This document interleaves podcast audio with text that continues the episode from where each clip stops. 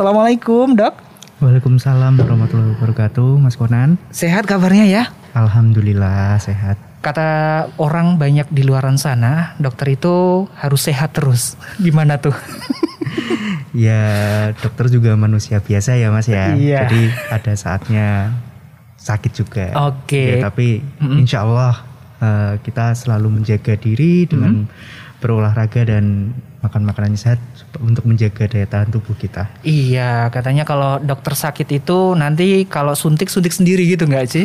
nggak juga ya? Enggak, enggak tega. nggak tega ya tetap minta bantuan temennya yang lain ya Iya, oke iya, Mas. gitu tapi kayaknya eh, kalau umpamanya sakit itu temen yang lainnya ikut eh, apa namanya nanyain sesuai dengan SOP-nya nggak sih atau mungkin gitu aja sakit gitu Iya sebenarnya malah jadi bahan kadang Mm-mm. untuk bercanda Mm-mm. dokter kok malah sakit Mm-mm. disuruh ngobati sendiri Mm. apalagi kalau misal sampai nun saya dirawat Iya. Itu kayaknya eh, apa namanya jadi spirit juga ya untuk menjaga kesehatan yang lebih daripada masyarakat pada umumnya. iya Oke, kita akan membahas tentang penyakit cacar air. Sebelum saya tanya-tanya lebih lanjut ini, Dokter Hendra pernah kena cacar air kah? Pernah dulu waktu Ah, kecil Waktu kecil ya, gitu ya. Dan eh, gimana? eh, apa namanya? Kalau rasanya pasti nggak enak kan ya. Tapi eh, pernah dapat ceritakah kalau kena cacar air itu memang eh, menjadi suatu hal yang sepertinya satu kehidupan itu pasti harus kena atau gimana sih? ya untuk cacar air sendiri ini merupakan salah satu topik eh, bahasan yang cukup menarik ya Mhm. Soalnya eh, penyakit ini merupakan salah satu penyakit yang diwajibkan dari pemerintah untuk dilakukan vaksinasi Oke. pada saat waktu kecil. Tujuannya kenapa sampai diwajibkan untuk dilakukan vaksinasi? Dikarenakan cacar air sendiri sangat sering menginfeksi, terutama bagi anak-anak kecil. Mhm. Nah, apakah setiap orang itu bisa terkena cacar air, apalagi satu kali dalam Mhm. seumur hidup? Jawabannya bisa iya, bisa tidak. Hmm. Tapi prevalensi terkenanya itu sangat tinggi, hampir sekitar 80% apabila tidak dilakukan vaksin bisa terkena cacar air. Oke, vaksinasi itu dilakukan di usia eh, sebelum 2 tahun ya pastinya ya. Iya, sebelum 22 tahun. Oke, dan eh, cacar air sendiri sebenarnya image-nya itu yang tergambar memang eh, di luaran sana ketika masih bayi, terus juga membuat gatal anak. Kadang pun jadi orang tua jadi nggak tega ya ngeliatin cacar air seperti itu. Tapi memang eh, secara ilmu medis hal itu eh, gejalanya yang seperti bagaimana? Apakah mungkin bisa dicegah sedari dini atau gimana sih dok? Ya. Untuk gejala, jadi untuk gejala sendiri kita bisa bedakan ada gejala yang ringan, Mhm. ada yang sedang, dan Oke. juga ada yang berat. Oh ya. Nah, untuk gejala yang ringan sendiri ini biasanya seperti pada penyakit-penyakit pada umumnya hanya terjadi seperti demam, lalu setelah itu mual, muntah seperti penyakit-penyakit infeksi pada umumnya. Namun apabila masuk ke ranah yang sedang itu akan dalam jangka waktu sekitar tujuh hari itu akan mulai timbul yang namanya pelenting-pelenting yang kita Hmm. sebut sebagai eh, bula-bula kecil. Bola-bola Iya. kecil ya. Bula-bula kecil yang apabila meletus itu adalah isinya air. Oke. Dan katanya airnya itu ketika meletus nanti menyebabkan cacar yang lain di bagian yang lain pula kah? Oh iya, bisa menyebabkan seperti itu dikarenakan cairannya tersebut mengandung yang namanya virus virus yang menyebabkan cacar tersebut yang kita sebut sebagai varicella zoster.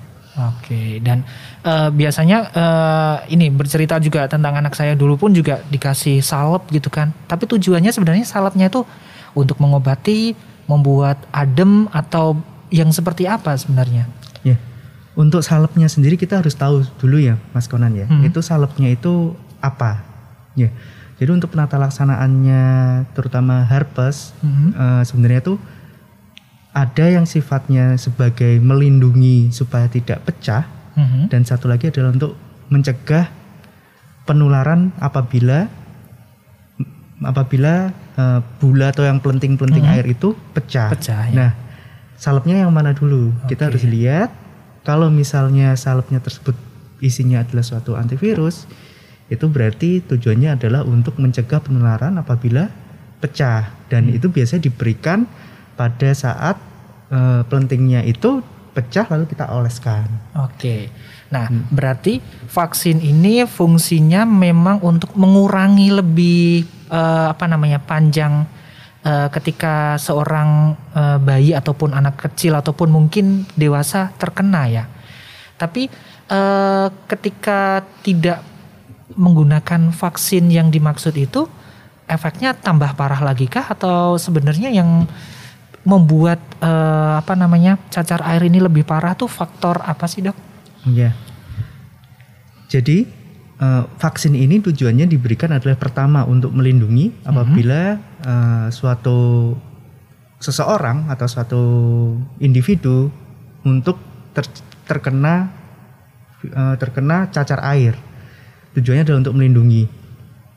Nah, yang kedua tujuannya adalah apabila terkena itu tidak menimbulkan gejala-gejala yang berat. Kenapa sih cacar air ini sangat dihati-hatikan atau sangat di-awarekan atau sangat di dicegah supaya tidak terjadi ke kegawatan? Mm -hmm. kan cacar air ini dapat menyebabkan suatu sindrom yang disebut Reye syndrome. Apa, Apa itu? itu? Apa hmm? itu Reye syndrome? Syndrome itu suatu gejala di mana terjadi pembengkakan pada hati dan otak. Nah, ini yang menyebabkan uh, tujuan dari pemberian vaksin ini supaya tidak terjadi Reye syndrome ini dikarenakan cam, uh, campak eh, cacar hmm. maaf, cacar itu dapat sangat dapat sekali menyebabkan Reye syndrome ini. Oke, jadi pencegahan kita sudah ketahui dengan mempelajari gejalanya, terus pengobatannya. Pengobatannya apakah dengan cacar air jenis kecil, sedang, terus apakah berat juga pengobatannya berbeda-beda atau pernah mungkin dokter Hendra menjumpai kok eh, apa namanya pengobatannya harus ekstra keras gitu kah? Untuk pengobatan um, dari cacar air tersebut karena ini adalah suatu infeksi berdasarkan berbasis virus. Jadi untuk pengobatannya yang pertama yaitu biasanya kita menghilangkan gejala-gejala penyerta seperti demam, apabila ada mual muntah hmm. kita hilangkan, kita kurangi untuk gejala mual muntah tersebut. Untuk antivirusnya sendiri sebenarnya untuk yang khusus spesifik untuk, untuk cacar -hmm. itu belum ada belum sampai ada saat ya? ini. Yeah, belum ada. Jadi kita hanya mengandalkan dari sistem kekebalan tubuh. Oke, imunnya ya Imun kembali kita ke... harus harus kuat.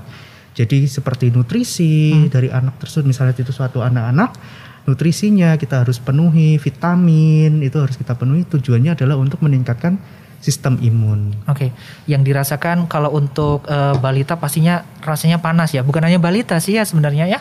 Ter hmm. Tapi uh, banyak yang bilang oh itu di apa namanya dikipasi ataupun diberikan uh, supaya dingin. Apakah fungsi itu memang untuk mencegah supaya uh, tidak dirasakan sakit terlalu berlebihan atau sebenarnya itu hanya apanya sugesti aja dok uh, untuk dikipasi dan ditaruh di suhu dingin mm -hmm. itu termasuk salah satu terapi tapi kalau untuk dikipasi saya kok kurang setuju ya mm, okay. soalnya ini kan salah satu penyakit yang bisa menular oh, apabila iya, iya. pecah kalau mm. misalnya dikipasi khawatirnya itu, ya, ya khawatirnya bisa menyebabkan penyebaran melalui udara dropletnya droplet ya droplet okay. karena kan apalagi kalau sifatnya lembab hmm. itu kan bisa menyebabkan penularan nah kalau misalnya untuk menurun tujuannya adalah menurunkan suhu dikompres bisa oke berarti dengan cara dikompres uh, air dingin kayak gitu Oke, okay, bisa, bisa dilakukan seperti itu ya. Hmm. Dan tentunya kami ajak untuk para monitor DAIS bergabung di dalam acara dialog dokter ini dengan mengirimkan SMS ataupun WhatsAppnya di 0821 ribu ataupun di 0246746352. Dan untuk pengobatan sendiri dok, uh, kalau untuk alami biasanya memakai apa? Tapi kalau untuk memakai obat memang biasanya diresepkan juga kah atau bisa dibeli di pasaran atau mungkin di apotek kayak gitu atau gimana? Ya. Kalau untuk alami seperti yang tadi saya jelaskan, ini adalah suatu penyakit yang berbasis berbasis virus. -hmm. Jadi sistem kekebalan tubuh itu lebih diutamakan. Untuk pengobatan-pengobatan yang kami berikan tetap ada, yaitu tujuannya adalah mencegah replikasi. Itu kita bisa berikan antivirus Untuk antivirusnya sendiri saya sarankan sih tetap harus berobat ya Mm-mm. supaya bisa terpantau juga bagaimana kondisinya, apakah ini perlu dirawat atau tidak, apakah ini bisa dilakukan perawatan di rumah. Itu kan perlu pemantauan lebih lanjut. Mhm. Nah, dan yang menget, yang lebih mengetahui atau bisa mengira-ngira itu kan tenaga medisnya.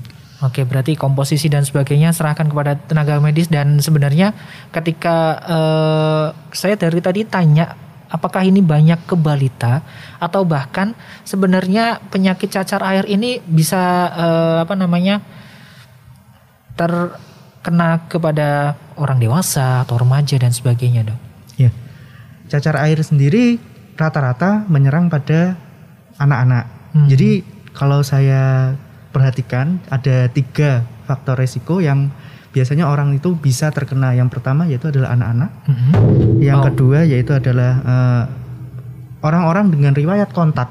Riwayat kontak. Ya, riwayat Mhm. kontak dengan pasien cacar. Cacar. Mhm. Yang berikutnya adalah pasien-pasien dengan imunodefisiensi. apa itu imunodefisiensi? Imunodefisiensi itu di mana sistem kekebalan tubuhnya sudah berkurang. Oke, sudah berkurang ya, bukannya Ya. tidak kuat ya Tidak berarti ya. kuat. Artinya bisa diartikan adalah mungkin orang lanjut usia, tapi orang lanjut usia pun dengan catatan-catatan tertentu ya. Ya, Oke. benar sekali. Nah, untuk eh, balita ini berarti eh, sering kali ya.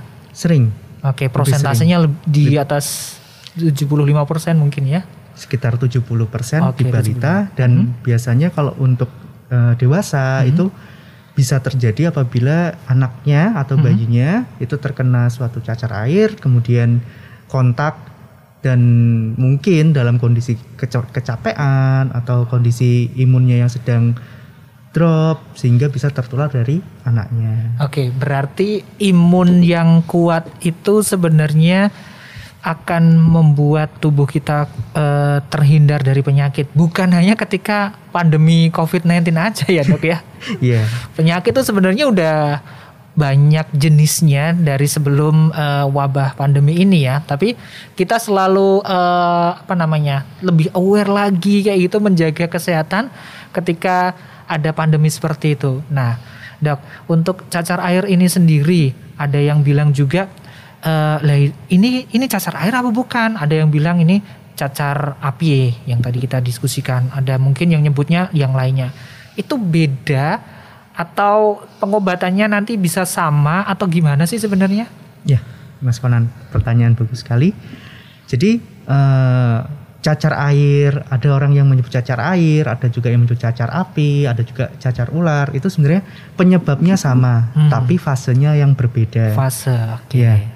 Jadi orang-orang yang seperti tadi Mas Konan bilang ada yang cacar api itu terdahulunya sudah pernah terinfeksi oleh cacar air. Apakah itu tadi yang ringan, yang sedang, kalau yang berat sudah jarang ya kita temukan Hmm. ya. Karena di Indonesia sendiri rata-rata semua sudah divaksin Hmm. pada waktu kecil. Nah, apabila virus tersebut sudah mati, virus yang namanya herpes zoster ini itu dia akan menjadi bentuk dorman atau bentuk tidur. Nah, bentuk tidur ini dia akan bersembunyi atau menempel pada saraf-saraf kita.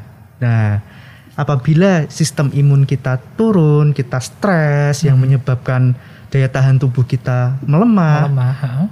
virus tersebut akan muncul kembali, tapi munculnya menyebabkan reaksi inflamasi atau reaksi peradangan di tempat secara lokal. Hanya di tempat yang ditempeli saja. Hmm, Nah, oke. tadi kan seperti yang saya bilang, eh, virus tersebut bentuk dormanya atau bentuk tidurnya di sel-sel saraf. Sel saraf. Oke. Nah, akhirnya muncullah yang namanya cacar api tersebut dengan sensasi terbakar. Tapi jarang sekali dengan ada gejala demam, mual, muntah tuh jarang. Karena kan sifatnya tuh hanya lokal, hanya di tempat tersebut saja. Kalau bicara tentang bahayanya nih, sebenarnya eh, lebih bahaya yang mana? Berarti orang yang kena cacar api itu setelah kena cacar air ya? Iya, Oke, bahaya mana nih?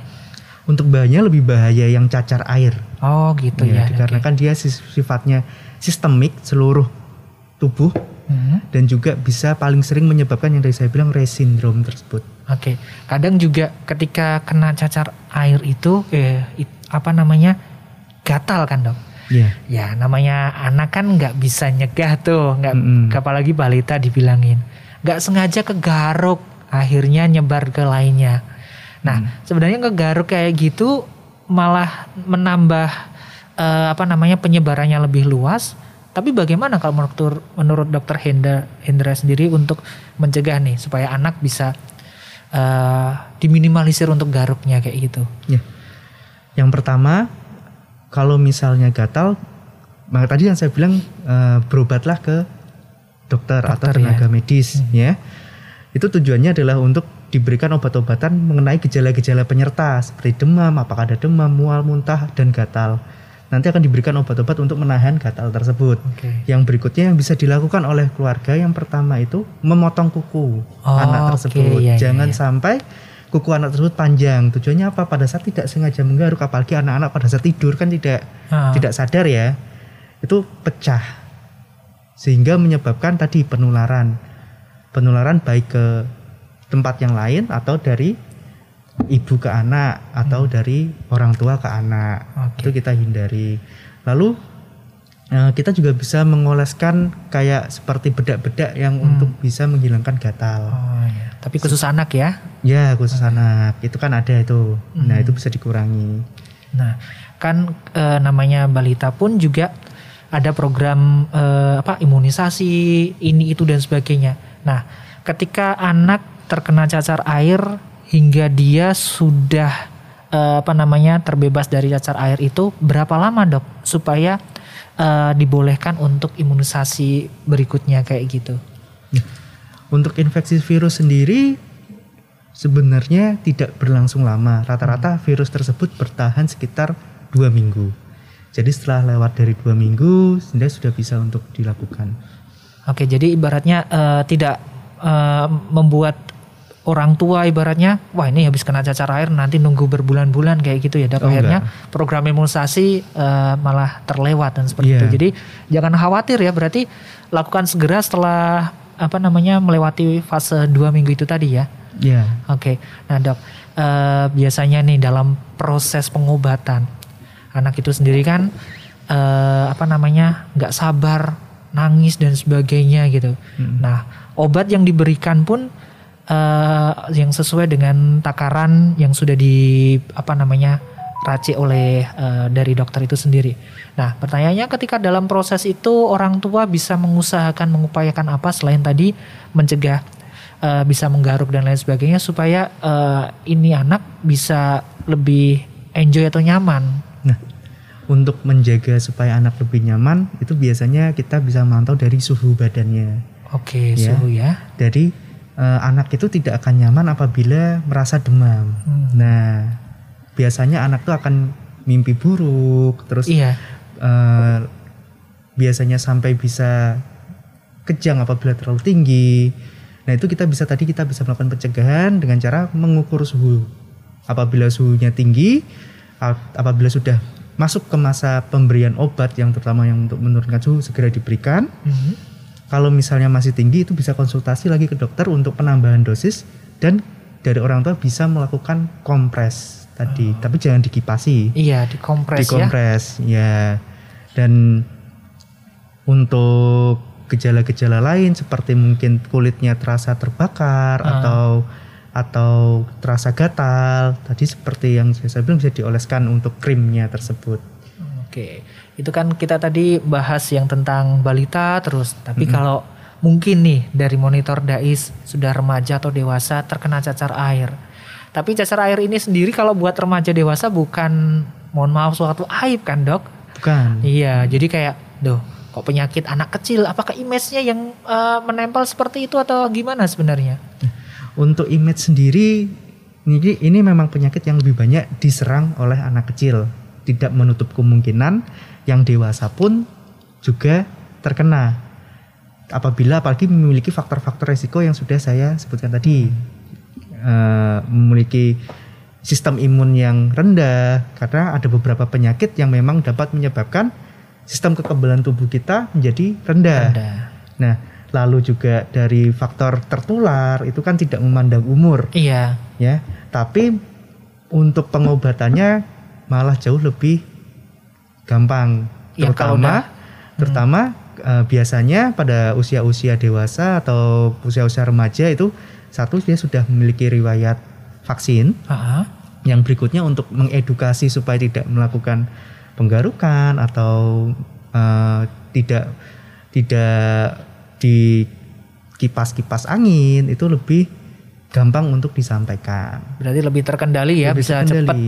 Biasanya kalau ngomongin eh, lama sembuh antara balita dengan orang dewasa berapa hari itu dok? Untuk rata-rata hampir sama sekitar dua minggu. Oh gitu ya, Dan dua minggu itu. Kalau umpamanya lebih daripada itu, apa yang harus dilakukan? Baik orang tua maupun eh, pasien itu tersendiri. Kalau lebih dari itu, saya sarankan ke tenaga kesehatan. Biasanya kenapa dok? Kalau lebih daripada itu? Biasanya kalau misalnya eh, tergantung gejala, Ha-ha. tergantung gejala. Kalau misalnya gejalanya itu berat, lebih dari itu, biasanya kita mencurigai bisa menuju ke arah yang tadi saya bilang Rett syndrome tersebut. Oke. Ataukah memang sistem kekebalan tubuh dari pasien tersebut rendah, itu bisa juga. Takutnya bisa bukan menakut-nakuti berkomplikasi ke hal yang lainnya juga kah? Tidak. Ah, tidak ya, tidak, Tidak. sampai ke sana ya. Tapi Ya. mungkin eh, hal yang tadi disebutkan oleh dokter ya, Rett syndrome ya. Ya. Oke, dan eh, hal yang harus dilakukan umpamanya seorang eh, anak kecil ataupun juga dewasa. Eh, ini umpamanya mau periksa tapi udah malam ataupun mungkin besoknya weekend libur. Mm-mm. Apakah dianjurkan kalau mungkin sesekali atau mungkin beli obat di apotek atau untuk pencegahan awal kayak gitu dok? Untuk pencegahannya kalau misal terjadi seperti itu biasanya kan tanda-tanda gejala awal dari virus ini Hmm. itu kan seperti demam-demam pada umumnya. Aja biasanya ya? orang sih belum sadar kalau ini ini Oke. suatu cacar air. Ha-ha. Nah, apabila sudah mulai muncul pentingannya kan biasanya orang eh, kaget. Nah, Ha-ha. kalau yang saya bilang jangan panik dulu. Oke. Ya tetap tenang. Lalu apa yang dirasakan tubuhnya tersebut? Misalnya demam atau mual, muntah itu bisa beli obat terlebih dahulu untuk menghilangkan eh, gejala-gejala tersebut. Di Nah, apotek kan ada iya. obat-obatan dan setelah buka segera Konsultasikan. konsultasikan. Iya. Tujuannya apa? Soalnya untuk pengobatan sendiri berbeda, Mas Konan. Hmm, Berbeda antara cacar air dan Ha-ha. juga cacar api. Oke. yang seperti tadi saya Oh, tadi gitu dibilang ya. itu berbeda pengobatannya. Dosisnya pun berbeda. Harus didiagnosa dulu ya tentunya ya. Iya, harus diagnosis dulu. Nah cacar air itu image-nya eh, berada di satu bagian tubuhkah atau mungkin bagaimana sih dok sebenarnya? Kalau dia cacar air Ya. tidak di satu bagian tubuh. Tapi kalau dia cacar api atau cacar ular yang kita sebut sebagai herpes zoster tersebut, itu di satu bagian tubuh. Oh, Biasanya menjalar. di tempat dari- mana dok? Biasanya menjalarnya di dada, di Ah. punggung, itu menjalar lurus seperti ular. Oh gitu. Kalau cacar air dia malah sel- eh, di beberapa titik ya dok. hampir seluruh tubuh. Hampir seluruh tubuh Bisa gitu ya. kena, Terkena Wah, bentul-bentolnya. Bental-bentalnya. Oke.